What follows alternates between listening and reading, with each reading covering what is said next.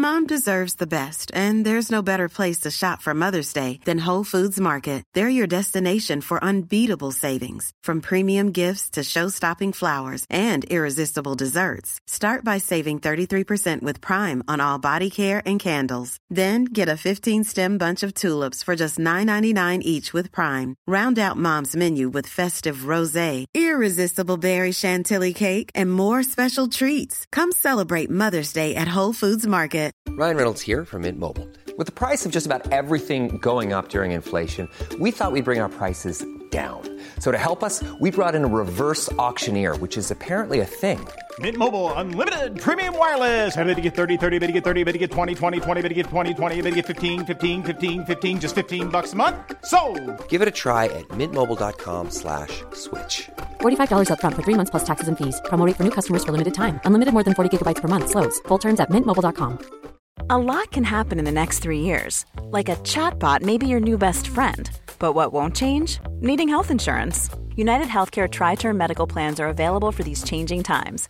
Underwritten by Golden Rule Insurance Company, they offer budget friendly, flexible coverage for people who are in between jobs or missed open enrollment. The plans last nearly three years in some states, with access to a nationwide network of doctors and hospitals. So, for whatever tomorrow brings, United Healthcare Tri Term Medical Plans may be for you. Learn more at uh1.com. Quality sleep is essential. That's why the Sleep Number Smart Bed is designed for your ever evolving sleep needs. Need a bed that's firmer or softer on either side? Helps you sleep at a comfortable temperature? Sleep Number Smart Beds let you individualize your comfort so you sleep better together. JD Power ranks Sleep Number number 1 in customer satisfaction with mattresses purchased in-store. And now, save 50% on the Sleep Number limited edition Smart Bed for a limited time. For JD Power 2023 award information, visit jdpower.com/awards. Only at a Sleep Number store or sleepnumber.com. Market Makers presenteras även denna vecka av tradingmäklaren IG. Är du trött på att börsen stänger 17.30? Med IG kan du handla utanför marknadens öppettider. De flesta av IGs marknader är nämligen öppet dygnet runt måndag till fredag. detta är alltså aktier, index, råvaror, valutor och krypto som du kan handla så fort du ser en möjlighet. Upptäck IGs utbud och handelsplattform på IG.com. Men kom ihåg att all handel med finansiella instrument är förenat med risk. Vi säger stort tack till IG. I'm amazed how many people own stocks. They, they would not be able to tell you why they own it. They couldn't say in a minute or less why they own it. Actually, you really press them down, they'd say the reason I own this is the sucker's going up. There's enough cash in the financial system, and there's an infinite amount of cash at the Federal Reserve. An infinite amount Put of cash. Put that check in a money market mutual fund. Then we'll reinvest the earnings into foreign currency accounts with compounding interest, and it's gone. So they had to do something. All they had left was just to print money and start buying things. And that's what they did. Quick buck artists come and go with every bull market, but the steady players make it through the bear market. Say money can't buy happiness. Look at the fucking smile on my face. Hej och välkommen till det 200 avsnittet av Market Makers. Hur känns det Fabian? Jag ser att du har på dig finkostymen. Ja, det är, det är faktiskt helt sjukt. Inte trodde man att vi skulle sitta här 200 avsnitt senare, cirka fyra år. Jag tror att vårt fyraårsjubileum var den 20 september, så infaller ju i den här veckan också. Förra veckan var det då. Ja, men det är ju faktiskt eh, rätt otroligt. Eh, lite lustigt också att det sammanfaller i princip med min eh, dotters, eh, min, min första barns födelse också. Fyller ju också fyra år här nu om, om några veckor. Så att, eh, jag undrar hur vi tänkte där med tajmingen. Det är, perf- det är perfekt och skitlätt för mig att komma ihåg. Eller hur? Framförallt för dig blir det rätt att komma ihåg. Men vi ska ju faktiskt eh, försöka tänka tillbaka lite och reflektera lite över vad vi har lärt oss under de här fyra åren. Fyra år är ju inte dock en lång tid egentligen, så att det är lite larvigt. Men vi kände att vi måste ändå få försöka fira lite grann i alla fall på något sätt. Exakt, så vi, vi har tagit in en mängd frågor från Twitter och det handlar ju allting ifrån vad vi har i portföljen nu, vad våra toppicks är, men också vad vår, våra största misstag har varit sedan vi började handla på börsen. Och en hel del trams är det också. Ja. Det är sånt man får leva med. Li- litet allt i allo-avsnitt. Men sen har vi också något annat stort eh, som är på gång. Eller stort ska jag inte säga, men en jäkligt rolig grej. Och det är att vi faktiskt kommer att lansera en NFT, eller vi har lanserat en NFT, Non-Fungible Token. Och det är väl många som redan har har räknat ut det kanske och det känns ganska givet. Det känns som helt i linje med våran eh, profil. Det vi har gjort då helt enkelt, vi har tagit fram tillsammans med en grafiker fyra stycken legendariska investerare. Det är George Soros, Warren Buffett, Charlie Munger och Peter Lynch. Och så har vi gjort om dem till någon form av, eh, vad ska man säga, någon form av street fighter eh, pixlerade liksom fighters i princip som man kan då, eh, anvä- som man kan då köpa. Så man får helt enkelt betta på sin favoritfighter. E-, exakt, och det här är, tycker vi är skitkul. Vi, eh, vi har ju varit inne på kryptospåret rätt länge. Vi tycker det här med NFTs är jäkligt kul och det här är inte någonting som vi har snott ihop på en eftermiddag, utan det här tog oss ja, väl ungefär sex månader att komma fram till vad vi skulle göra, hur vi skulle göra det, när vi skulle göra det. Helt enkelt varit en iterativ process och eh, vi är rätt nöjda med det här. Vi tror inte som sagt att det här kommer, eller som sagt, vi tror inte att vi kommer bli liksom rika eller att de här i framtiden kommer att vara värda flera miljoner kronor. Det är som en kul grej. Precis, det är inte riktigt det som är syftet på det. Jag tror faktiskt, eh, summa summarum, så räknar vi med att gå lite back på hela den här processen. Men det är en jäkligt kul grej. Vi tycker att det är lite roligt, ett sätt att fira 200 avsnittet och det som ska tilläggas här är att det finns vissa perks med de här också. Eh, tanken är att den som är ägare av en sån här NFT, det finns alltså fyra stycken, och de fyra ägarna eh, kommer vi till exempel då ha en direktkontakt med oss, så vi kommer kunna sitta och snacka om olika grejer. Och framförallt så planerar vi att vi ska ha då en årlig träff där vi ses allihopa och kanske går ut och käkar en god bit mat eller någonting eh, och snackar aktier. Då. Eh, så det kommer ju också bli svinkul. Och sen om man då tröttnar på oss och tycker att vi är en skitpodd helt plötsligt eller vi var otrevliga på senaste träffen, ja då kan man sälja vidare sin NFT igen på den öppna marknaden och förhoppningsvis kanske man själv går då lite med vinst. Vet du vad som, vet du vad som skulle vara roligt? Det är att ingen bjuder alls. vilket, vilket är, det finns en hög risk att det också händer. Men det är ju inga problem, för då får ju vi sitta tillsammans. Det kan ju också vara så att någon köper alla fyra för att de vill ha all tid själv också. Exakt, för vi, eh, jag och Niklas, vi möts ju upp några gånger om året och eh, ja, det är helt enkelt en invitation till utomstående att följa med på, på, på det mötet. Precis, men vi har sån extrem hybris att vi tycker folk ska betala för att få vara med. Nej, men så här är det. Och eh, det, det vore ju tråkigt om, som sagt, om ingen köper det här. Och därför har vi faktiskt i första segmentet här strax i, i podden eh, så har vi faktiskt en liten genomgång av hur det funkar med att köpa en NFT. Och det är, också, det är dels också för att vi har fått, jag får den frågan väldigt ofta sen jag köpte lite NFT, så är det många som frågar hur gör man egentligen? Så det är en väldigt kort förenklad guide till hur man gör. Jag tror att den kan vara nyttig för många att höra. Och sen, som sagt, kommer vi också svara på de här Twitter-frågorna också, vilket jag tror kommer bli riktigt kul. Ja, och är du intresserad av att kolla in de här NFTsen, se hur de ser ut. Vi har lagt mycket effort på, på de här, de är jävligt coola. Så... De är faktiskt riktigt, riktigt roliga och de är animerade dessutom. Har du, har du spelat gamla fightingspel, eh, oavsett konsol eller vart du har spelat, är finance-fan, kan det vara jäkligt kul att kika på de här. Så glid in på marketmakers.se snedstreck NFT eller gå in på OpenSea och sök på Legendary Market Makers. Och det ligger förstås en direktlänk i avsnittsbeskrivningen också. Det kommer pågå en aktion på de här. Den kommer ligga ute i ungefär en vecka från att avsnittet släpps. Och sen då helt enkelt högsta priset på varje vinner aktionen då. Och eh, sen tänker vi att vi får göra så att man får höras av via mail. Eh, och skulle det ske någon dispyt så är det enkelt att bevisa sitt ägarskap via sin wallet då såklart.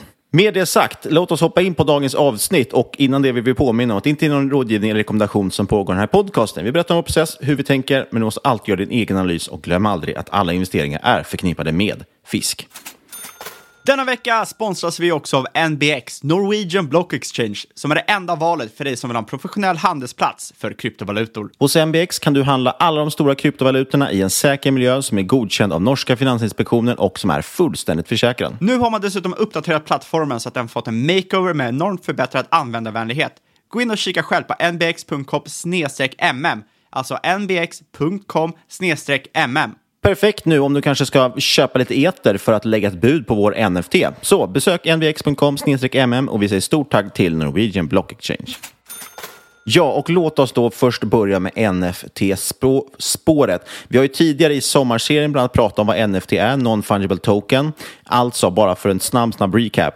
Det är alltså, du tar någon form av eh, egentligen vilken typ av digital tillgång som helst. Till exempel då en bild på ett konstverk eller någon form av samlarobjekt då, som våran NFT till exempel. Och sen lägger man det här på då blockkedjan. Och det som är tanken där det är helt enkelt att det inte går att då kopiera den. Visst, du kan fortfarande kopiera bilden och sprida den, men du kan då via den här lilla blockchainen, eller via den här koden, säga att ja, men det är faktiskt du som äger rättigheterna till det här digitala verket. Och då får, kommer det ju förstås upp väldigt mycket vanliga frågor eller vanliga kritik och den tänkte jag att jag skulle bemöta lite grann för att jag har gjort det till individer på exempel Twitter, men jag tänker att det kan vara bra att lägga ut texten här lite grann och förklara hur jag ser på det i alla fall. Den första klassiska frågan som man alltid får det är varför skulle man vilja äga någonting som går att kopiera?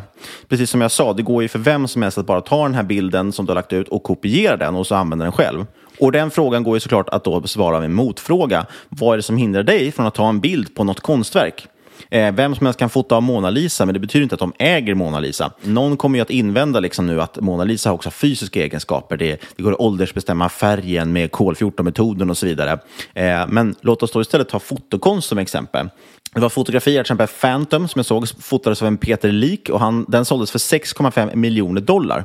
Det fotografiet är ju i sin grund, eller sin natur, digitalt. Eh, det är ju liksom en, en råfil fotad på en digitalkamera. Så vem som helst som bara kan kopiera den koden kommer ju att då kunna ha exakt samma fotografi. Och vem som helst kan göra en högupplöst inskanning eh, och skriva ut upp exakt samma typ av material och så vidare. Var sitter då värdet i det konstverket?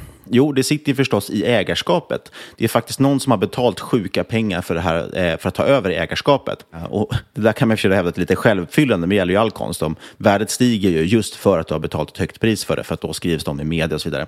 Men det som då är intressant, det är ju egentligen ägarskapet och det kan du ju bara bevisa egentligen snarare med att du har ett kvitto. Eh, och har det betalats väldigt sjuka pengar för det så kommer det antagligen också vara noterat någonstans i, i media. Eh, det kanske också finns någonting hos auktionsverket eller konsthandlare och så vidare. Så att, slutändan är det ju liksom, måste det ju vara kvittot eller någonting som gör att du bevisar att du äger verket. Och på samma sätt ligger ju värdet i en NFT. Vem som helst kan ta bilden. Det är inte där värdet ligger, utan det är att du kan bevisa ägarskap av bilden med då din adress eh, till din wallet helt enkelt, där transaktionen har registrerats. Plånboken, eller en wallet, då, är ju liksom som sagt en adress, lite som ditt IP-nummer på nätet. Eh, det är någon form av ID kan man säga, som då kopplar till ditt ägarskap. Eh, det blir liksom din identitet och det är därigenom du visar då ägarskap av vissa saker. Och en del då, de säger att till exempel NFT är osäkert eh, och, och totalt värdelöst eftersom NFT ligger ju bara på handelsplattformen där du har handlat den. Eh, men det är egentligen ganska ointressant för att bilden kan du fortfarande ha på datorn även om eh, handelsplatsen skulle gå, lägga ner imorgon. Eh, du har fortfarande kvar transaktionen, den finns fortfarande registrerad i blockkedjan eh, och du kan visa upp den i wallet. Din wallet är helt frikopplad och blockkedjan också är helt frikopplad från handelsplatsen. Dessutom får man väl utgå från att det finns ganska många backuper på de här handelsplatserna och så vidare i och med att det är så många som har lagt ner enorma värden i att köpa NFT också. Nästa grej då som gör NFTs intressanta, det är ju att det inte alltid handlar om själva konstverket eller bilden i sig. Utan vissa NFTs ger ju en form av status. Eh, precis som märkeskläder, alltså har du en, en, NFT som alla vet är väldigt dyr, ja då ger det dig en form av status som signalerar att du har råd med en NFT och det signalerar att du är medlem i någon form av exklusiv klubb. Ja, exakt. Och det är det här som är jäkligt... En, en till cool effekt av NFTs och egentligen hela internet-communityn och Eh, som vi pratade om för innan, innan sommaren, hur sådana här communities byggs med krypto. Om du kollar på väldigt många som äger till exempel CryptoPunks eller Bored Apes, då, då, då äger de ju kanske inte de här just för att de tror att de kommer appreciera jättemycket i värde. De har gjort det, men de äger dem väldigt mycket för att de ska vara med i en speciell klubb. De ska få tillgång till kanske discords där de möter väldigt specifika människor eller få gå på event där andra människor som har de här äh, uh, NFT-sarna också får gå, men inga andra, alla andra är uteslutna. Så det är jäkligt intressant hur det skapar en helt ny typ av community som till exempel kanske en konstcommunity också gör, men som är kanske lite mer stängd för normala människor. Och det finns en mängd andra perks också som kan komma med det. Till exempel kan det vara att man på olika sätt blir del av en organisation, alltså en sån decentraliserad organisation, en DAO som vi pratat om tidigare.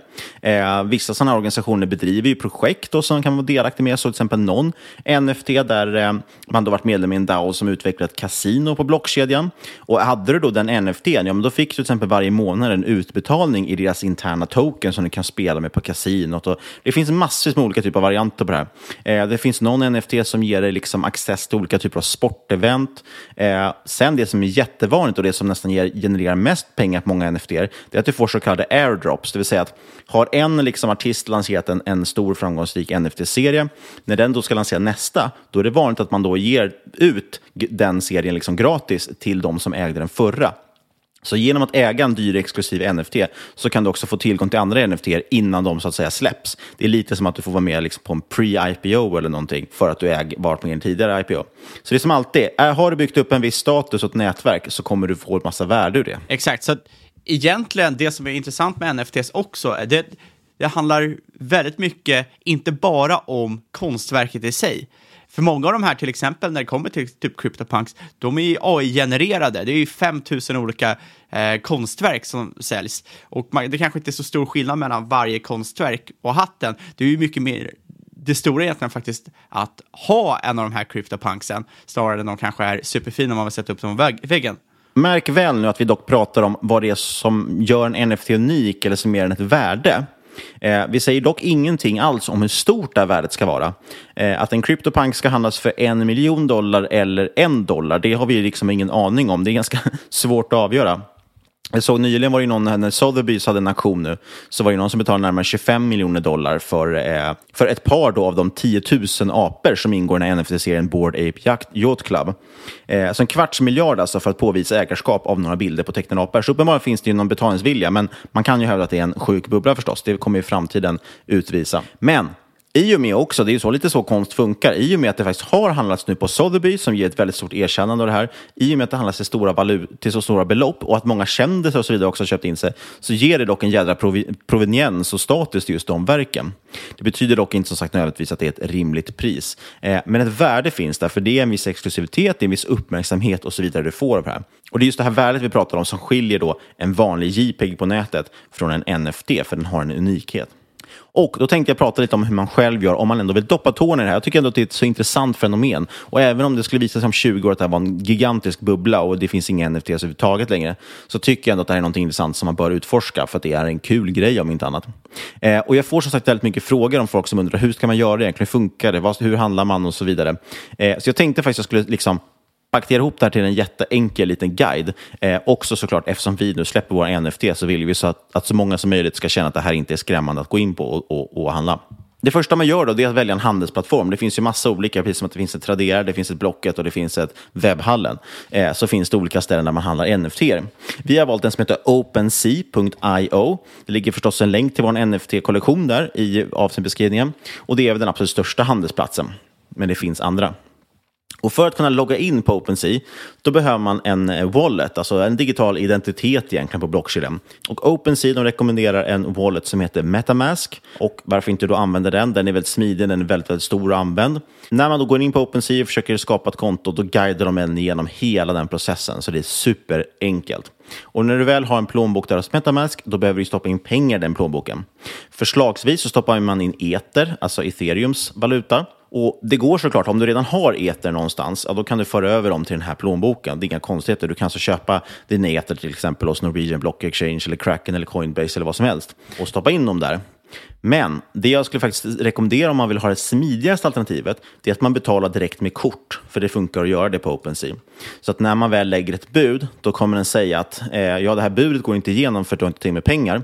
Vill du lägga till pengar på din plånbok på Metamask? Och då klickar man ja och så får man betala med ett kort, precis som vanligt. Jag har stoppat in ganska mycket pengar den vägen, så att jag vågar påstå att det är en, en säker eh, överföring. Och sen funkar det som så att man går in på OpenSea och letar upp någonting som är till salu. Och vissa saker säljs till fastpris, så då kan man, precis som på Tradera eller någonting, då kan man klicka in på fastpriset och sen så lägger man exakt det bud, liksom det priset och då får man varan så att säga, eller NFT i det här fallet. Men vissa andra grejer, till exempel vår NFT handlas ju på auktion och då har man ett visst antal dagar på sig. Den som lägger högsta bud vinner. Egentligen inga konstigheter mer med det. Så ska man in och titta på någonting och, eh, som inte är vårt då, och bara vill testa och provköpa någonting, ja, då skulle jag rekommendera att man filtrerar ut någonting som har ett fast pris, där det står buy now, som det står. Då. För då får man liksom köpa det direkt. Annars måste man lägga ett bud. Och Det där är värt att tillägga. Det, det skrivs ibland eh, lite medieartiklar om att eh, titta, den här NFT säljs nu för det här liksom mångmiljonbeloppet. Många av de artiklarna, när det står så, är ju inte faktiska försäljningar, utan det är ju när någon har själv satt ett pris. Det här är vad jag vill sälja den för. Eh, och då är det ibland folk som lägger saker för helt sjuka prislappar bara för att det ska se exklusivt ut. Men det intressanta är ju vad det faktiskt har sålts för och det brukar ofta vara en helt annan siffra. Eh, sen finns det förstås de här Bored Ape Yacht Club och CryptoPunk och så vidare som har varit svindyra. Men det är ovanligt. Det är väldigt få kollektioner som säljer för så mycket. Och oftast då om de säljer för så mycket har de fått någon typ av hype i någon typ av krets. Och det är, från början var det ofta i den här Silicon Valley-kretsen, många gamla tech-legendarer som uppmärksammade eh, kollektionerna och köpte in sig och så vidare. Ja, och det är det här det som blir larvigt då när folk också säger så här, men fast det går ju att tjäna pengar rätt som helst på det, jag ska skapa en egen NFT eller någonting. jo, men alltså, måste, om du går in och kollar på OpenSea och tittar hur mycket det finns så ser du att majoritet, alltså 99,99 procent, är ju ren skit och handlas till noll kronor i princip. Eh, precis som all annan konst. När folk säger liksom, någon som silvertejp en banan på en vägg och sålde som konstverk. Och då säger de, ja men det hade jag också kunnat gjort. Ja, absolut, men du har inte nätet i kontakten och du gjorde det inte. Värdet fin kommer liksom från andra egenskaper och hypen. Det som kan vara ett intressant begrepp att känna till eh, inom NFT det är det som kallas för floor price, alltså golvpriset. Egentligen lägsta priset. Vad handlas den billigaste för? För oftast släpps NFT i kollektioner. Så CryptoPunks är en kollektion med massvis med små gubbar. Eh, Board Ape Yacht Club är som sagt en kollektion med 10 000 apor. Och då vill man titta, då pratar man om floor price. Vad är priset på den billigaste liksom, gubben eller apan i det den kollektionen. Och det är det då som någonstans säger om vad, vad, är, liksom, ja, men vad är priset egentligen på det här. För det spelar ingen roll om en av de tusen aporna har sålts för 25 miljoner dollar. Det intressanta är vad den billigaste går för. Det säger någonting om, om värdet. Så för att sammanfatta, OpenSea.io, det har vi länkat till avsnittbeskrivningen. Så när man ska logga in där, då kommer en guide genom hela processen och skaffa en sån här Metamask Wallet. Låter superkomplicerat, men det är jätteenkelt. Det är bara några klick rakt igenom. Eh, jag tror inte ens du behöver verifiera någon ID eller någonting. Och sen så när du väl försöker lägga ett bud, då kommer den säga att det saknas pengar och då kan man betala med ett kreditkort. Förslagsvis om man har något eh, kreditkort med bonus, då kan man köpa en sån här 25 miljoner dollars apa också. får man en jädra massa eh, eurobonuspoäng. Det man ska ta hänsyn till med NFT dock, det är att det är avgifter i samband med att transaktionen ska verifieras på blockkedjan. Det finns en viss gasavgift som det så fint heter på ethereum. Eh, och de här har ju varit skyhöga. Nu har ethereum kommit ner ganska mycket i pris, eh, så att de är betydligt billigare. Men jag vet att när jag till exempel var inne och handlade där, då kostade ju liksom den här gas, bara avgiften för att genomföra en transaktion låg ju på typ 2000 spänn. Så det var ganska dyrt att bara få köpa någonting. Så då spelar det ingen roll att du köper en NFT som kostar 100 kronor. Då kommer den bli 2100 kronor och så får du betala en avgift vid försäljningen också. Det är lätt att en, en väldigt billig grej kan bli ganska dyr där. Så att kolla vad de aktuella avgifterna är. Det ser man när man ska göra själva köpet, så det är jättetydligt redovisat. Men det kan vara värt att känna till. Jag tror dock att de ligger betydligt lägre idag i och med att priset har gått ner ganska mycket på ethereum. När du väl har köpt någonting, ja, då hamnar den här NFTn i din Metamask Wallet. Så du kan när som helst gå in och klicka på den och titta på hur din, din pryl som du har köpt, eller din bild. Eh, ska man vara seriös med det här såklart ska man skaffa en, skaffa en hårdvaruplånbok eller wallet, till exempel Trezor som vi har. Eh, men det lämnar jag som överkurs, eller som hemläxa för någon som vill gräva vidare i det här. Och det var väl min lilla guide till NFT. Jag tror att eh, detta det är någonting som jag tror många inte tar sig för att gå in och titta och försöka och testa. Men det är faktiskt eh, någonting man borde kolla. Det är ändå ett tecken i tiden, eller vad säger man? ett, ett nutidsfenomen som är värt att utforska. Och det är verkligen enkelt idag. Eh, det har blivit byggts väldigt, väldigt enkelt. Eh, eh, exakt, och jag vill ändå påpeka också, lite som vi nämnde i vårt första kryptoavsnitt innan sommarserien vi hade, att det här är fortfarande också väldigt mycket proof of concept. Folk testar runt i kryptovärlden, ser vad som händer, vad man kan göra med det. Ingenting är liksom säkert, men det händer väldigt mycket i det här spacet just nu, så det är skitintressant att hålla koll på. Ja, och nu får vi väl då hoppas, hålla tummarna att det här eh, kan sparka folk i rätt riktning så vi åtminstone får in ett bud i alla fall på varje av våran, våra tokens. Eh, det hade ju varit som sagt tråkigt om vi fick sitta där ensam på middagen. Vad det, kommer sluta med att, det kommer sluta med att vi får skapa upp egna, fyra egna konton och lägga skam, egna bud liksom för att, för att det ska se ut som någon har budat. Jaha, ska vi hoppa in lite på den här frågan jag fått in på Twitter då, inför avsnitt 200? Vi tyckte att det vore kul att höra lite vad ni undrar för någonting, ni lyssnare. Och eh, många av de här frågorna gick ihop med vad vi hade tänkt prata om. Så att, eh, nu får det bli ett rent fråge, liksom, en frågedel då istället. Ja, exakt. Och eh, vi har ju liksom tre, eller några egna frågor som vi har valt ut som vi tänkte är bra att svara på, som vi har fått under resans gång. Eh, och sen har vi massor med Twitterfrågor. Så Niklas, tycker du vi ska svara på våra egna frågor först eller på lyssnarnas frågor? Jag tycker vi kan blanda upp det helt. Eh, många frågor som sagt går ju ihop också. Så vi ber om ursäkt också om det är någon vi inte nämner. Men sagt, mycket av det som vi hade skrivit ner fick vi också in som frågor. Eh, och många skrev ungefär samma frågor också. En av de vanligaste grejerna som vi fått frågan om, det är någon variation på hur våra portföljer ser ut just nu. Eller det kan man också, vi har fått det i formen av vilket topic vi har just nu. Eh, vad skulle vi, om vi behövde äga en aktie i tio år, vad skulle vi välja då? Och så vidare. Eh, vi har fått många, många frågor också om vad äger Fabian egentligen? Det är många som noterar att du efter varenda case var upp säger att jag äger inte aktier här. Vi, vi, Medan jag säger i nästan varenda case att jag äger aktier i det här. Vi, vi, vilket är konstigt, för att jag har i alla fall senaste två månader sagt att jag ägt typ fyra av bolagen vi pratat om. Uh, men, men det tar oss ju lite in i liksom våra portföljteori och hur vi strukturerar vår portföljer. För jag kan ju liksom gå rakt in där och säga att jag tenderar ju att ha en mer koncentre koncentrerad portfölj än vad du har. Um, du har ju en koncentrerad portfölj i det att du har några toppicks som utgör majoriteten av din portfölj. Men sen kan du ha rätt många liksom, enprocentare, tvåprocentare. Ja, jag har nog alltid legat mellan säkert 10 till 20 innehav eh, faktiskt senaste fem ja, ett åren. Ett tag hade du uppemot 30 innehav var det väl till och med? Absolut. Och jag, det här är liksom mitt försök till att koncentrera portföljen. Det är fortfarande så mycket jag inte vill slänga, eller slänga ut, så att jag har fortfarande kvar säkert eh, 10 innehav eller någonting. Ja, exakt. Uh, Medan jag, ja, jag kan säga just nu, jag äger tre bolag i portföljen. Och det är såklart då, uh, när man pratar om ett eller två bolag varje vecka, att man inte kommer liksom byta ut 33 procent av portföljen på måfå. Framförallt hade det blivit en tråkig podd om du bara skulle prata om samma tre bolag om och om igen. Exakt, vi gillar ju att hitta nya case. Och man kan ju också nämna det här, bara för att man inte säger att man äger det i podden, betyder inte att man liksom plockar upp det, eller plockar in det i portföljen en eller två veckor senare. Eh, det kan vara att man vill liksom läsa på mer om caset, eh, eller helt enkelt att man bara känner sig mer bekväm med det man har i portföljen. Det betyder inte nödvändigtvis, nödvändigtvis att det är bättre case heller. Jag, jag, jag vet inte, två, två case kan vara, liksom, ha två helt olika potential för två olika människor. Ja, men just det där med att man inte köper någonting för att man vill göra mer research innan man gör det. Eh, det för oss faktiskt in på en annan fråga vi fått, eller en annan, eh, eh ja, det har vi fått i olika variationer. Och det är lite kring det här med hur ofta vi känner att vi ryggar någon annans analys. Eh, men det hänger också upp lite med vad vi har lärt oss under de här åren. För att någonting jag upplevt och som jag gör mer än dig tror jag, det är att jag har försökt bli mer, alltså snabbare in i många case. Eh, mycket på grund av att eh, vi har ganska mycket fullt upp med att researcha saker till podden och så vidare. Så att eh, mycket case hamnar liksom bara bara på en bevakningslista. Så man läser någonting som man tycker är intressant, som någon har skrivit om, som man tycker är duktig. Eh, då skriver man ner att det där bolaget ska jag titta upp senare. Eh, sen går det en, två månader och man har fortfarande inte hunnit komma till och titta på det där bolaget. Eh, när man väl liksom ska börja verkligen gå ner på djupet och titta på det, ja, men då har det redan gått upp 200 procent eller någonting. Så man missar ofta liksom det här, eh, vissa case på den grejen, bara att man är liksom seg på att bevaka det, eller verkligen gå in på det. Därav att jag då dels har många små bets i portföljen, eh, men också har fler bolag överlag. Det är ju för att jag har liksom över åren gått över mer och mer till att vara ganska snabb på att gå på köpknappen istället. Men jag är också snabb då på säljknappen om det utvecklas åt helt fel håll. Eh, för, för vilket inte är fel när man har en liksom mer diversifierad portfölj, bredare portfölj och tar flera mindre bets. Nej, och jag tycker också det är väldigt smidigt för att det som händer då när man väl köper in någonting, eh, köper en bevakningspost i ett bolag för, för att du tycker att ah, det där var intressant, det där ska jag kolla mer på. Eh, och det känns verkligen seriöst, som att det här, det här ska jag verkligen titta på, det, det kan vara någonting som kan vara intressant. Eh, då tycker jag att då kan man ju ta en bevakningspost, det är inte hela världen. Eh, skulle det gå åt, åt, pipan, ja men då är det inte så mycket pengar att stoppat in, så förhoppningsvis så, så förlorar du inte så mycket på det. Skulle det däremot gå väldigt bra så, så kan du liksom öka på det där.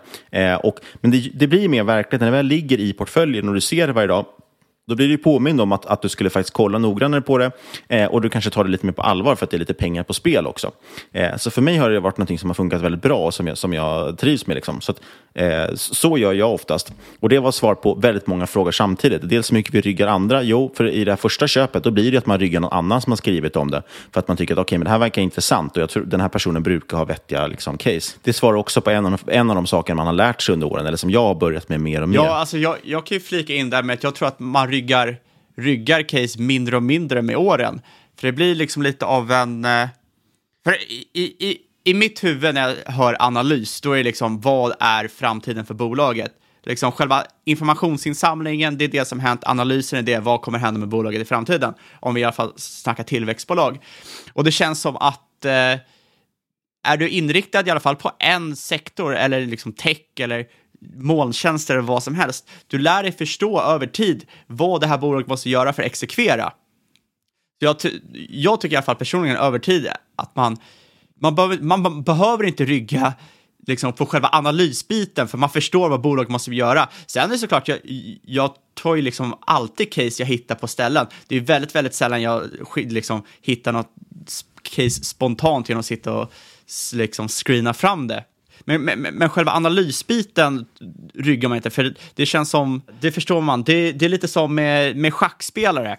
Om du tar en schackspelare till exempel, många som inte spelar schack, jag spelar inte så mycket schack heller, men de tror ju liksom att nu kör de ett move och då sitter de med tusentals eh, permutationer i huvudet av möjliga liksom, saker som kan hända liksom, ända fram till spelet tar slut. Det är inte sanningen. Egentligen är det att de ser en move och så har de spelat så pass mycket att de har ju fått en pattern recognition. De kan se, de känner i stort sett igen det här mönstret som sker på brädan och det här ger ju någon typ av introduktion efter en ändlös iteration, liksom iterativ process under flertals, flertalet år. Och det är liksom lika, liknande sak med börsen och med investeringar. Och det är en av anledningarna till exempel varför Warren Buffett kan säga ja eller nej till ett, liksom, när han blir pitchad ett företag på två minuter. Han kan direkt säga det här är inte intressant, det här är intressant, för det uppfyller kriterierna och då kan han förstå det där tickar boxarna för ett bra case för mig. Och det tror jag att det är en grej du får desto längre du investerar. Sen är det så, funkar inte så för mig alla om man har fel jätteofta och whatever. Men just när det kommer till rygganalyser känns det som man gör det mindre och mindre desto längre man investerar. Däremot så crowdsourcar jag skitmycket information. Jag, till exempel på Twitter, det är ju sjukt värt. Alla in, liksom, investeringar jag har, allting jag äger, sitter jag och följer människor som sitter och pumpar ut information om där på, på Twitter för att eh, det är helt guld värt. Du, du kan helt... Eh, eh, jag tror utan tvekan du får bättre information än många av de liksom världens största förvaltare eh, på det sättet, bara för att du har de här hobbyanalytikerna som sitter och... Ja, men till exempel, riktiga eldsjälar. Eldsjälar, ja men du vet, som, det finns ju några som sitter och kollar alla spel för Evolution liksom, och håller Twitter uppdaterad på sånt. Jag hade aldrig gjort det. Jag hade aldrig velat göra det själv, men jag läser gärna andras inlägg på det. Eh, och så, sånt är ja, men... jäkligt värdefullt. Och det tycker jag är mer värdefullt ja, jag... än att folk ska sitta och berätta vad de tror om framtiden. För det tycker jag att man, man över tid ska bygga upp själva. Eller själv. Jag är helt enig med, med det mesta du säger där. Eh, dels där som du säger med att hur man utvecklas som investerare, så är det med allting. Det handlar ju samma sak om du är en snickare eller broingenjör eller vad som helst. De första åren du håller på med det, då måste du först lära teori, lära dig reglerna eh, och kanske försöka efterfölja, efterapa dem liksom och verkligen eh, härma dem på något sätt. Men desto mer du på, desto fler hus du har byggt eller desto fler broar du har designat och räknat på, desto mer och mer glider du in i magkänsla. Och det är ju det som säger pattern recognition, mönsterigenkänning och man kan också också kallar för intuition. Eh, och det är det som händer för, liksom, desto längre man hållit på. Eh, att man mer och mer börjar också känna på något sätt om det är rätt eller inte. Man kan nästan känna om ett, ett bolag är, bra eller dåligt, bara av liksom, en, en snabb överblick.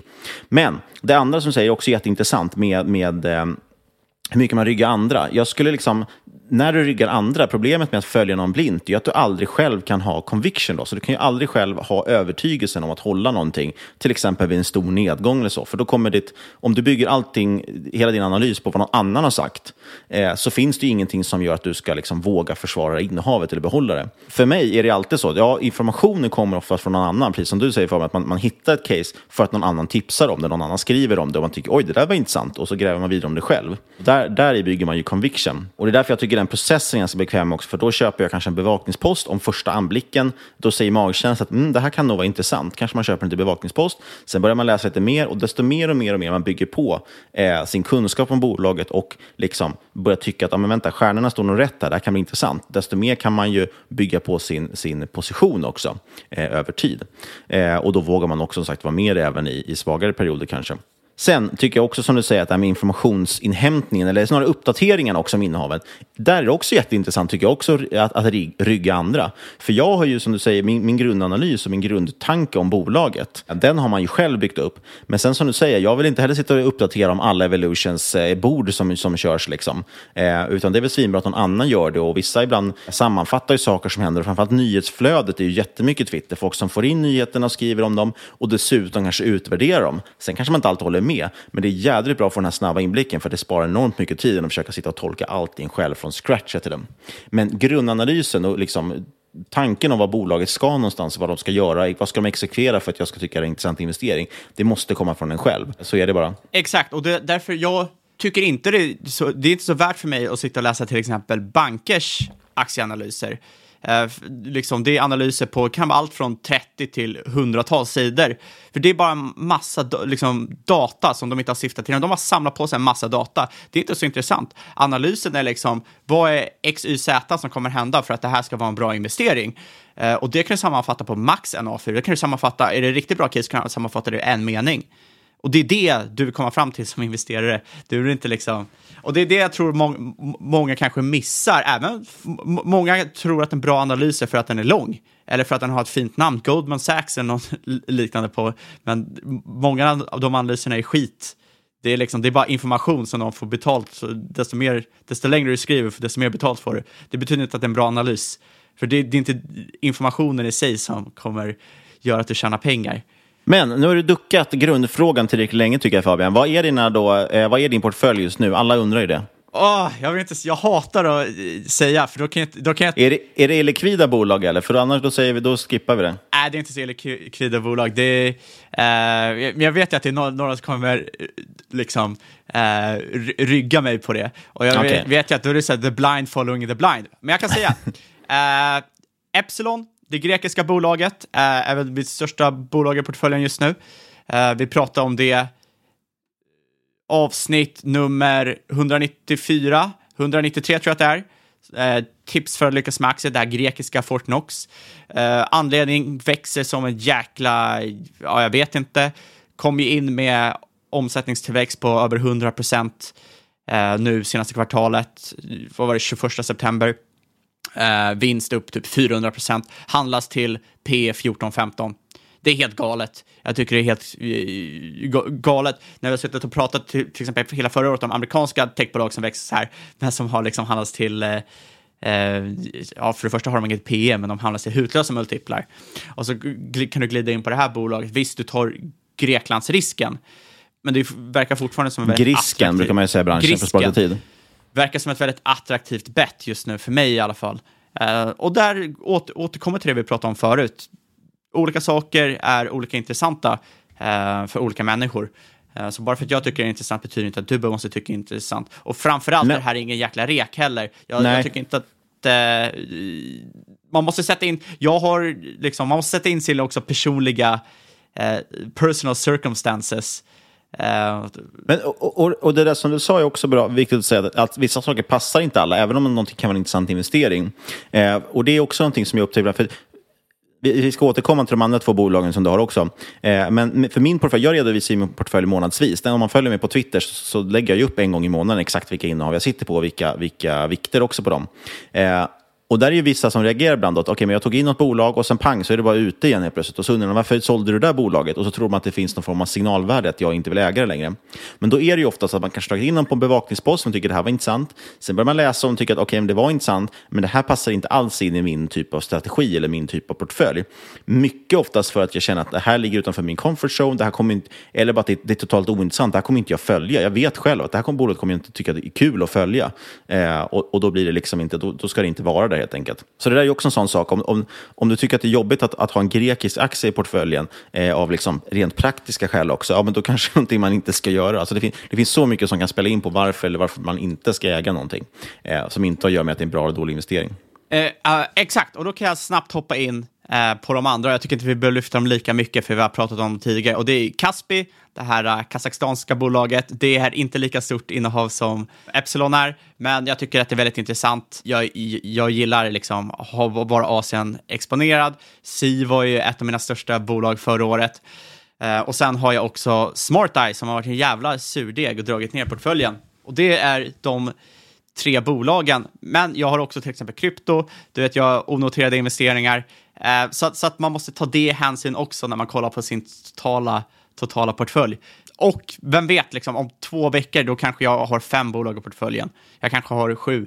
Vem vet? Det, det kommer och går, det kommer och går. Eh, det är vad jag tycker är liksom attraktiva bets. Vi, vi, kan hoppa in på Dave, Hur ser din portfölj ut, Niklas? Och vad är dina top picks? Nej, men som sagt, jag eh, lägger ju ut min portfölj månadsvis. Så är man jättenyfiken på vad jag gör för någonting, då följer man förslagsvis mig på Twitter eh, ju smidigast. Och så kommer man se det exakt varje månad. Och som sagt, man ska inte rygga det heller, för du vet ju inte när jag köper eller när jag säljer någonting.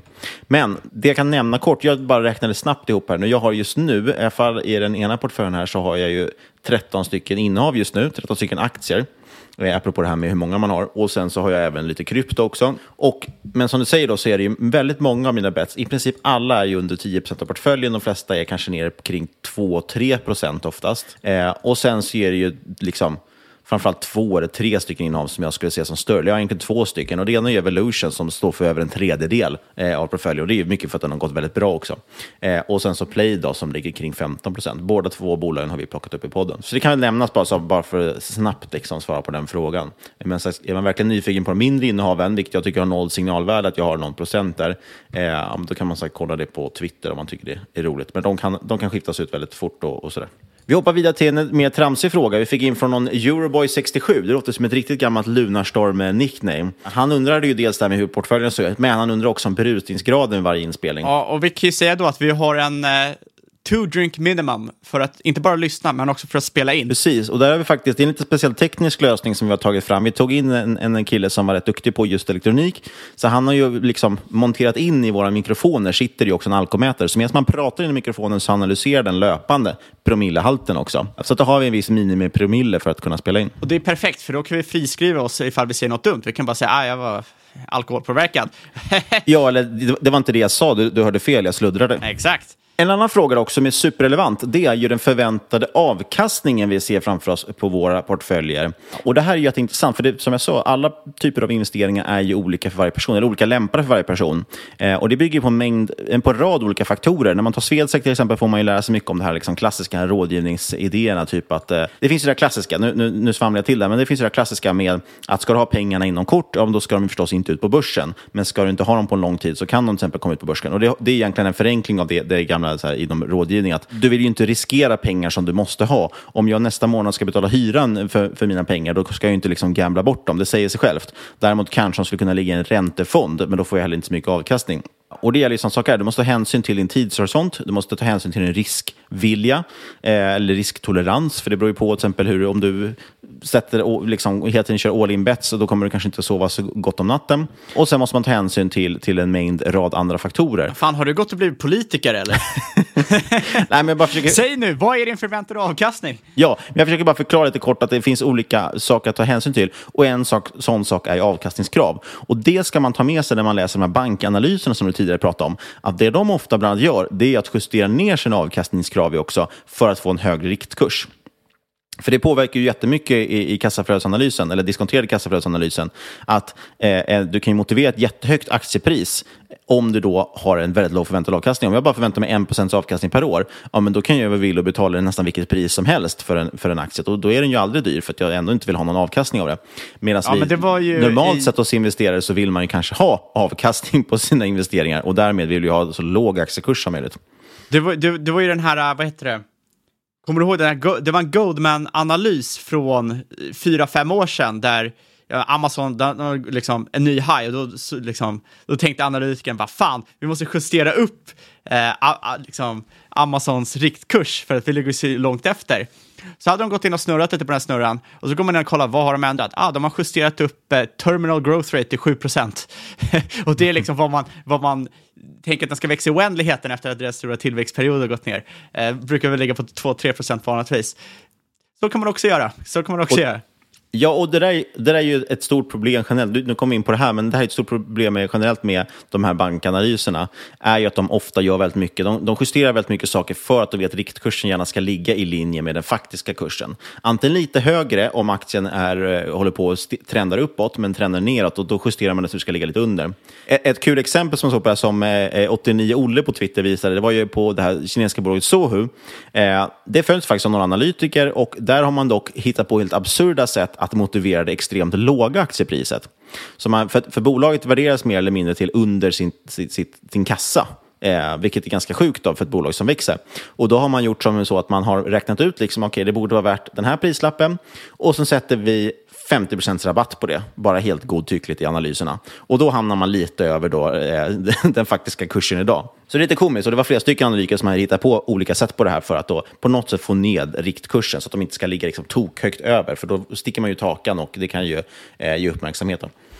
Men vad var egentligen frågan? Här? Förväntad avkastning. Eh, jag har faktiskt aldrig, jag har inte funderat så mycket på det. Det jag har jobbat med hela tiden, jag har alltid försökt ha en absolut avkastning. Jag vill gärna att varenda år ska vara positivt. Och det har ju mycket att göra med att jag tror på att det är väldigt svårt att återhämta sig från en nedgång.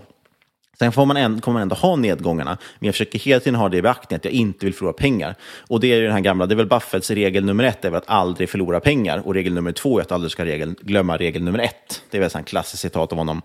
Det där tror jag väldigt mycket på. Det säger sig självt. Om någonting backar 50 procent, ja då måste du ha 100 procents avkastning för att komma ikapp. Så jag försöker att inte gå ner. Med det sagt så är det klart att man vill ju gärna ha börsens snitt över tid. Eller minst börsens snitt över tid, gärna mer. Men en exakt siffra har jag faktiskt aldrig satt på vad förväntad avkastning är. Och jag gör ju heller inga DCF eller något, så det har inte varit en jätteintressant siffra för mig. Nej, jag vet att vi pratade om det här i podden för några år sedan och då tror jag att jag sa typ 7 eller 8 procent, precis i linje med index. Uh, ja, det, nå, någonstans där vill jag ju också ha som minst. Samtidigt är det ju som så, varför ska jag då lägga ner arbetet? Visst, det är kul att sitta och analysera aktier, men det finns ingen anledning att lägga ner arbetet om jag inte får betalt för det. Då skulle jag lika gärna kunna köpa en indexfond. Ja, absolut, så, så, eh, så, kan man se på det. Sen vet jag liksom att, eh, eller i mitt liv i alla fall har jag haft otrolig fördel med att bara sitta och läsa om aktier och läsa om företaget som många som in, eller läsa om företag som många som inte gör det helt missar. Du får ju liksom en sjuk inblick i vad företag gör, vad som funkar, vad som inte funkar, hur de liksom växer, eh, vad som funkar i deras produkt, allting som du liksom kan i stort sett sno från de här bolagen och applicera på något annat till exempel om du vill bygga ett bolag eller vara med och bygga ett bolag eller whatever, um, som jag personligen tycker är värdefullt. Uh, eh, men nej, men jag håller med dig. Jag, jag har väl just nu en förväntad avkastning på typ 15 procent om året. Och jag är väl medveten om att jag antagligen kommer behöva justera ner det här över tid. Uh, men det är väl någonstans där, jag tycker inte i rådande börsklimat att det är för bullish. Jag tycker inte heller att det är för bearish jag tycker inte man ska snacka ner sig själv för mycket och sikta för lågt. Det, ehm. det är ju en, det är lite lustigt faktiskt, för när jag bara kände magkänslan vad jag skulle säga för siffror, då hade jag velat säga 15 procent också, men jag har ingen aning var den siffran kommer ifrån. Det var därför jag inte sa det. Det, det, känns, det känns som en bra så här, li, lite småjante, för att det låter lite för, för, för, liksom, för, för gemene man, men det är hutlöst hög avkastning över tid. 15 procent däremot är ju faktiskt, eh, jag vet att kvalitetspodden när de sätter upp sin buy and hold-portfölj varje år, då är ju målbilden för den att den ska ge 15 procent. Och då är det alltså en portfölj, man köper bolagen här och nu eh, och sen ska man aldrig köpa eller sälja någonting mer i den, eller den ska bara ligga kvar. Liksom. Så det är buy and hold. Eh, och där tror ju de på att man ska kunna leverera 15 procent per år. Eh, så du ska helt enkelt kunna slå börsen ganska rejält, bara genom att du väljer ut lite bättre bolag än det som finns i index. Eh, så det är inte orimliga förväntningar då. Det finns ju folk som har haft dessutom betydligt högre högre kagger över tid, alltså årlig avkastning. Eh, men jag tror, precis som du säger, att det måste man hela tiden justera ner. Speciellt om du faktiskt har en hög kagger, för då växer ju också ditt belopp ganska fort över tid. Eh, och det blir svårare och svårare. Då har ju Buffett också sagt att om han skulle kunna ha, om han hade, hans portfölj bara hade varit värd några miljoner istället för de miljarder det är idag, så hade han haft betydligt högre avkastning också. Därav att man kanske inte ska rygga honom idag. Exakt, och jag tycker det är otroligt viktigt, för det är många som pekar, åh, 20% över tid då kommer du vara bättre än Buffett, du kommer aldrig klara av det. Jo, men vad fan kan Buffett köpa nu? Han kan inte köpa något, han kan inte investera i någonting, för då måste han köpa hela bolag som när han köpte Heinz. Det var ju skitkass investering, men han hade inget val, han sett, måste sätta de här pengarna i rullning på något sätt. Så han har ju liksom, hans universum är liksom typ hundra bolag. Berkshire Hathaway liksom... Det, det finns någon sån sägning. Jag, jag, liksom, här, ett av de största bolagen i världen. Han har ju så, sagt så, till och med någon gång, att, jag, jag kommer inte ihåg exakta siffrorna nu, men han har ju sagt till och med någon gång att, att skulle han ha haft en miljon dollar istället för den portföljen han har nu, eller något i den stilen, eh, då hade han kunnat leverera 40-50% avkastning per år, hävdar han. Eh, och det är ganska kaxigt sagt, men han har ju andra sina track records som bevisar det. Eh, och, och, men det har att göra just med att portföljstorleken blir ett problem efter ett tag. Så alla måste justera, justera ner sin kagger. Sen är det jättemånga sagt som ligger långt över det tid. Vi fick ju faktiskt en fråga apropå det om kaggar. Ska vi lyfta det nu eller? Det känns som ja, att det hänger ihop lite med ämnet. Lyft det. Jag vet att du har en, har en riktigt bra kagger. Det är därför vi pratar om det. Kör, Nej, jag skojar. Kör. Men, men det är också så här, det, det, är egentligen totalt ointressant om man inte utvärderat över en lång tidshorisont. Det först då blir intressant. Eh, jag vet en till exempel investerare som jag känner som har legat på drygt 30 procent i, i runt 20 år eller vad det är. Så de har alltså kommit igenom finanskrisen, nästan dotcom-bubblan också med den kaggen och eh, corona och så vidare och så vidare. Eh, och haft 30 procent kagger liksom över nästan 20 år. Eh, dels är det bara att slå in i Excel vad det gör med, med beloppen över tid, men framförallt är det en jädra bedrift också att kunna upprätthålla det över lång tid. Eh, Jag just nu tittar jag på om jag summerar från halvåret. Eh, jag summerar ju den oftast halvårsvis och årsvis brukar jag göra. Eh, och kollar jag på senaste summeringen då, så efter halva 2021 har gått så ligger min kagge på lite drygt 36 procent. Och det är verkligen ingenting jag tror kommer hålla över tid. Eh, men det är liksom det som jag har haft de, de senaste, och jag har räknat det där på, vad är det, sex år blir det nu. Så det är liksom inte en, en lång tidsprocent, det är inte ens över en hel börscykel, vilket gör den ganska ointressant. Men det känns ju ändå i alla fall bra just nu. Då. Jag, jag, jag har en bra cop-out answer. Jag räknar inte med ett kagge. Jag tycker det är fullständigt ointressant. Och jag vet vad folk kommer säga, men hur ska du då veta om du blir bättre investerare? Och jag tycker det är sjukt dåligt sätt att veta om man blir en bättre investerare. Först och främst, varför ska mitt första år på börsen räknas med i kagget? Jag är en helt annan person, jag är en helt annan investerare nu. Det är jättekonstigt att jag ens ska ta hänsyn till vad som händer de första åren på börsen. Liksom, när jag börjar peta i aktier efter liksom... Och, och det behöver ju inte vara med där heller. Jag är inte med de första åren på, på, i den uträkningen. Eh, men det har också att göra med att jag inte förde statistik då, utan jag har ju egentligen bara fört statistik, ja, från det då när jag bara föra statistik, därifrån har jag också räknat min kagger. Det jag egentligen är intresserad av där, det är att titta på vad är årsavkastningen. Jag brukar jämföra med index, inte för att jag egentligen bryr mig om index, men för att jag vill se liksom, okay, hur mycket skjuts fick jag av index. Om, om, som i år nu, om XS30 är upp liksom 20-30 procent, ja, men då, då känns det som att om man inte har... Liksom, om jag också ligger på 20-30 procent upp i år, då kanske mycket kommer av en generell hås. Det är det jag försöker kolla. Och jag tycker det är intressant att ha haft dålig avkastning ett år. Ja, men då vill man gärna veta hur börsen gått i stort. Var det allmänt ett dåligt år till exempel? Eh, och där tittar jag också då på att för just så här, har jag liksom haft minusår och sådana saker som jag gärna vill undvika. Så att, därav att jag har, har ändå en kagge, för då vill man ändå räkna ut det för att det är kul. Eh, Absolut, och det, jag, kommer jag, jag kommer min Och kagge det- gå dåligt, då kommer jag sluta räkna på den. Och du, och du, du, du, du är inte unik att säga så heller, eh, inte för att vara liksom, taskig eller något sånt. Men sen har man ju också år som till exempel förra året, då det gick extremt bra, det var mitt bästa år någonsin. Och då är det så här, ska jag räkna med det i kagger också? Det förvränger hela mitt kagger, kommer antagligen förvränga hela mitt kagger och resten av mitt liv. Fast, fast det är det som är ett kagger, för det är jättemånga. Du kan titta på de här riktigt koncentrerade investerarna som har ibland år där de går 300% plus och sen har de år när halva port, eh, portföljen halveras. Men det är ju ointressant för att du utvärderar ju den strategin över lång tid, över tioårsperiod till exempel. Ja, då kanske du hade ett kagge på 30% och då är det, var ju det en bra strategi. Men, men, men, men frågan då är att om jag får ett orimligt högt kagger, eller artificiellt högt kagger för 2020 som alla kan säga är var tokigaste året någonsin. Det är stort sett slängde du in dina pengar i ett jäkla SAS-bolag så gick det liksom eh, 200, inte 200 gånger pengar, 2-3 gånger pengarna eller mer. Ehm, är det verkligen rimligt att sitta och räkna, där gjorde jag my best work, my best investment work, bara för att man vågade köpa dyra bolag som sen gick upp och blev ännu dyrare? Det är enda, jag tycker att det är det enda sättet att beräkna. Det är så index beräknas också. Alltså den ligger ju med oavsett hur det går.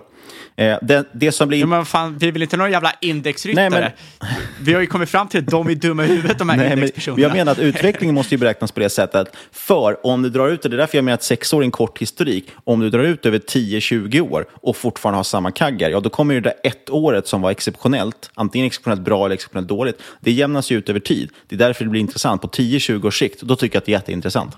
Ja, det är rimligt. Det är absolut rimligt. Ehm, jag, jag kommer antagligen fort, fortfarande inte räkna mitt kagge, för jag tycker... i- Du har fullt upp med att räkna sedlarna istället. Räkna sig, ja, men det är så här, jag, jag tycker inte det spelar så stor roll om du når upp till liksom, vad, vad du vill avkasta. Och sen kommer du göra Men misstag. Jag så- tycker det är så- bättre att av, avgöra liksom, va, varför gjorde jag det här misstaget och inte göra om det. Liksom.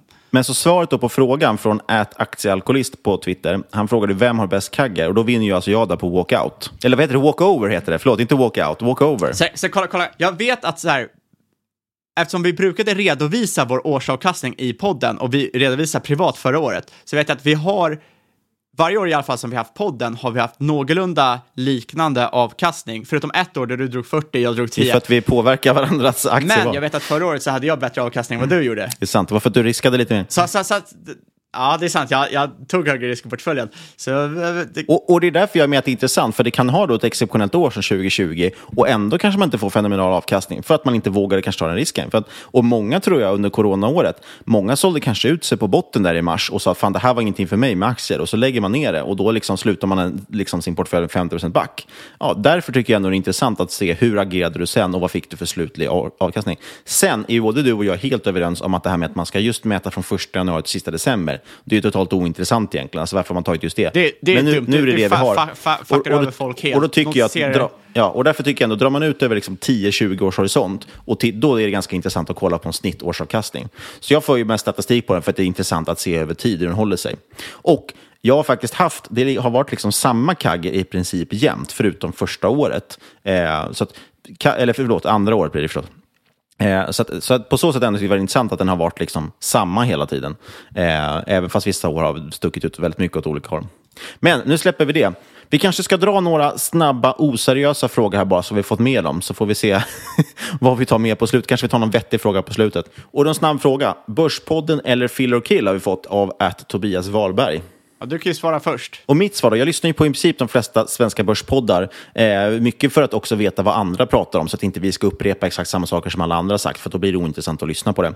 Eh, jag tycker att båda är väldigt bra av två helt olika anledningar.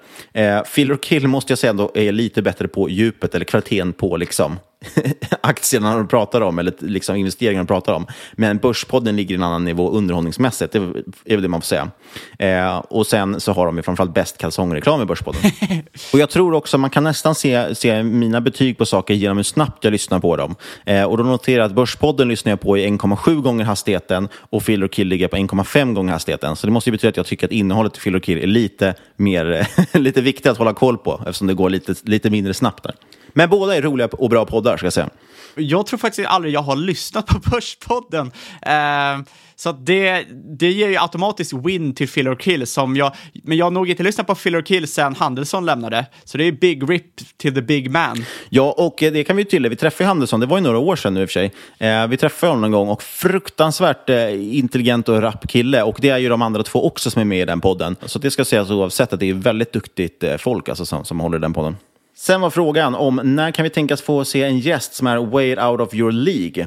Vi hade Jack fråga Schwager. at Kiwi Frilla. Ja, precis. Jag I också, han, julas. Vad fan, duger inte det för er? Jack Schwager var ju verkligen, det är han som har skrivit Market Wizards-böckerna. Det var verkligen en sån gäst i varit men fanns en, var, varför ska han komma med i våran podd? Eh, Det var så- nästan som han tyckte, han tyckte det själv när han var med. Men han var jäkligt professionell i alla fall. Verkligen, och det var riktigt kul. Och det var ju en sån som normalt, så vi vill ju gärna inte göra intervjuerna på engelska, vi vill ju hålla allting på svenska, för det känns liksom att, ja, det blir samma format på allting. Eh, men där var en sån där vi typiskt vi gjorde ett undantag, för vi kände, men fan, den, den gästen, hur har vi ens kunnat få den gästen?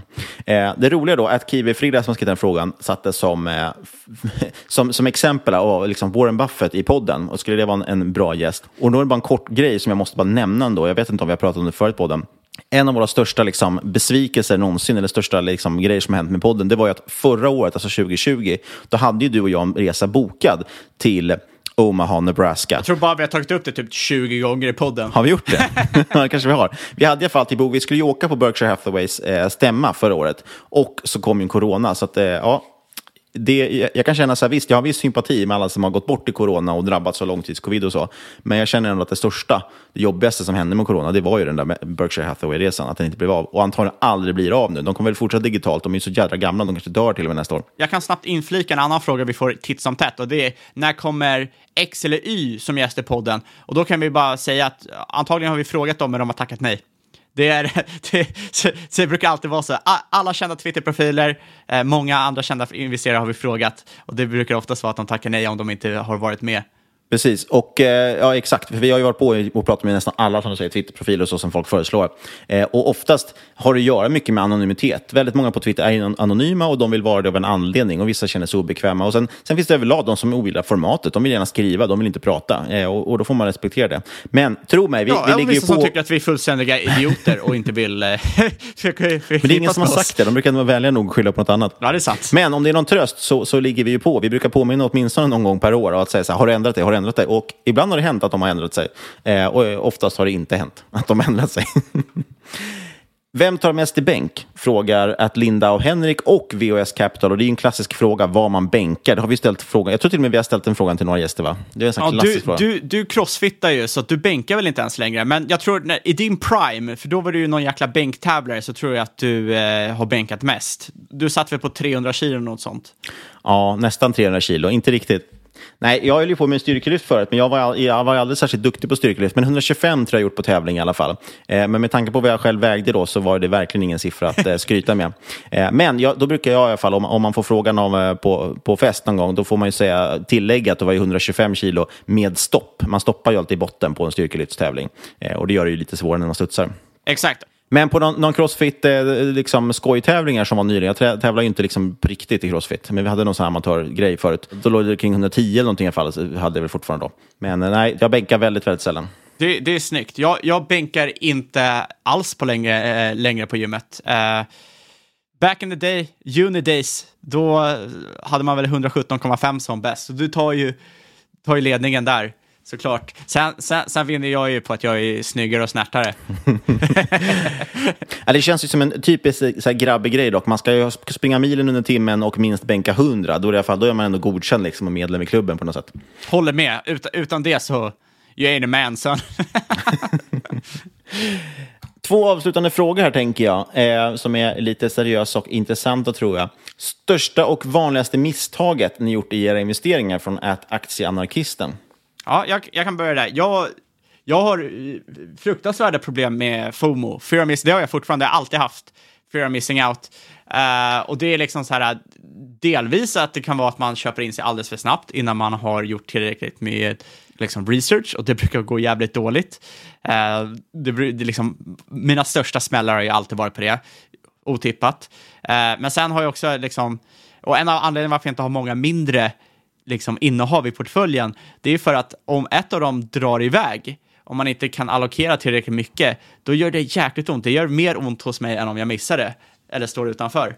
Och Eh, där är jag, förlåt att jag avbryter, men... det blir så mycket woulda, coulda, shoulda. Men för att inte hålla på och repetera, men för jag, jag har ju samma grej egentligen. Det är mycket, mycket FOMO.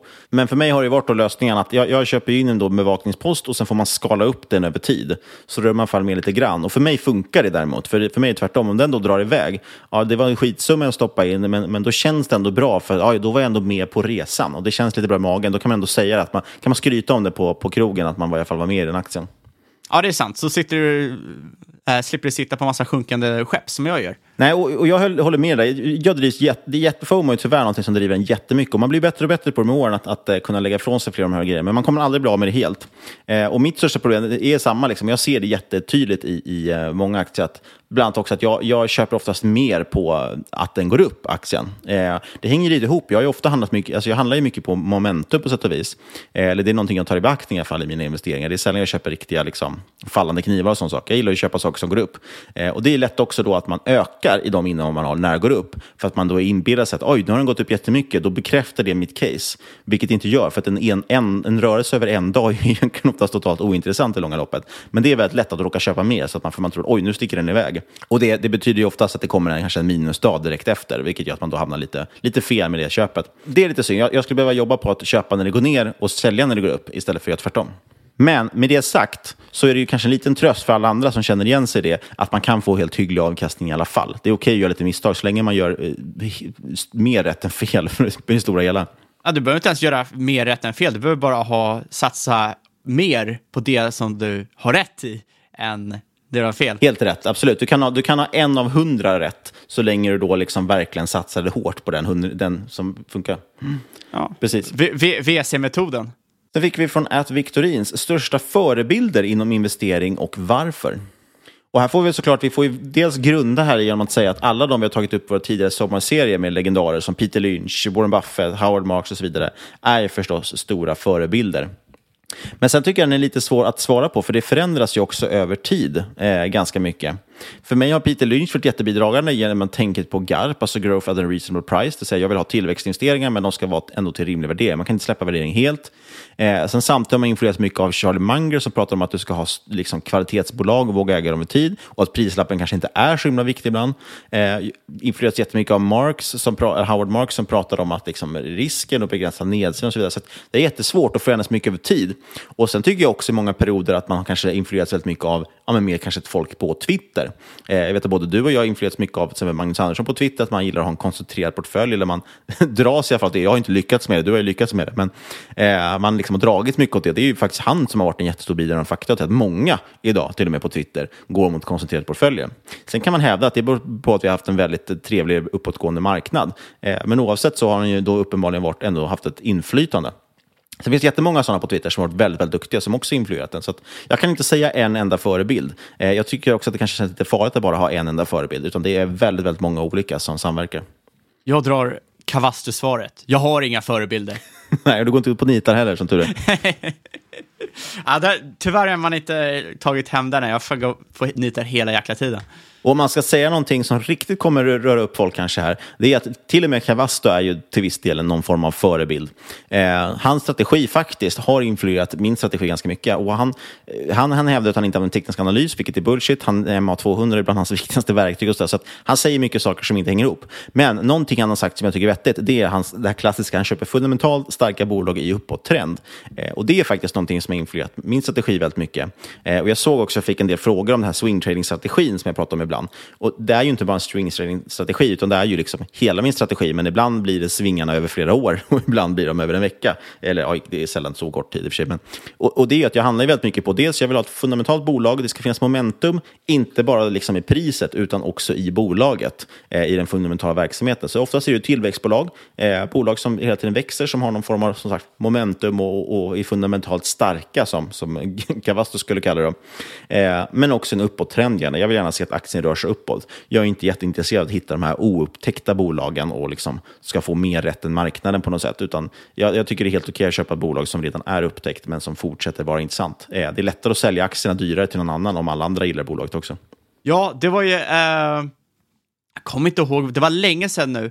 Eh, den här... Eh, vad är det den här eh, investment, eh, Tiger Club eller Tiger Funds eller vad fan de nu heter, jag glömmer alltid bort. Eh, men det var, det var något avsnitt, och jag tror att det var kanske en tidigt avsnitt i Invest Like the Best, eller liknande, och då sa ju grundaren där, om han skulle ge ett enda råd till, och det här är inte mitt råd, det här var då hans råd, men det glider in på MA200. Och det var jag, skulle han ge ett enda råd till investerare, det var att liksom börja utnyttja MA200 i din handelsstrategi, för då skulle du dra, liksom, du skulle minska på antalet förluster i portföljen rätt drastiskt. Och med de bevingade orden kanske vi ska runda av det här, eller vad tycker du? Eh, superkul för att det kom in mycket bra frågor och det tackar vi verkligen för. Och vi hoppas på 200 spännande avsnitt framöver också, eller hur? Absolut.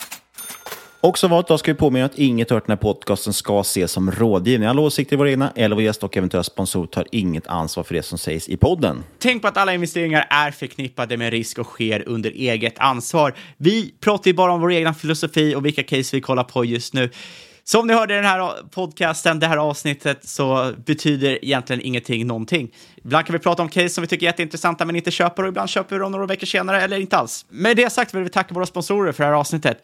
IG.com och NBX. Ja, och du sa ju att ingenting är köprekommendationer. Däremot är det en stark, stark rekommendation att gå in på vår länk till OpenSea i avsnittbeskrivningen och klicka hem en av våra NFT. Det vore svinkul att träffa er på en middag någonstans sen, ni fyra som blir stolta ägare av de här NFT-erna. Eh, och om inte annat, gå in och titta på dem, för de är jäkligt snygga. Vi har ju haft en grafiker på det här som har varit otroligt duktig tycker jag. Super, super roligt att kolla på dem. Jag garvar varje gång. ja, de är svinroliga eh, och oavsett om någon köper dem eller inte så tycker jag att det var ett jäkligt kul projekt och som vi har suttit och spånat på och pillat med. Vill du ge oss feedback på våra NFTs eller på den här frågestunden vi har haft idag? Kontakta oss då på podcast at marketmakers.se eller på Twitter at marketmakerspod. Och glöm inte att lämna en recension på iTunes, gärna femstjärnigt. Och vill du inte ge några stjärnor alls, ja, då kan du sticka och brinn, för vi vill inte ha en recension. Och sist men absolut inte minst, stort tack för att du har lyssnat, kära lyssnare. 200 avsnitt, inte illa. Vi hoppas på åtminstone 200 stycken till och vi hörs igen om en vecka.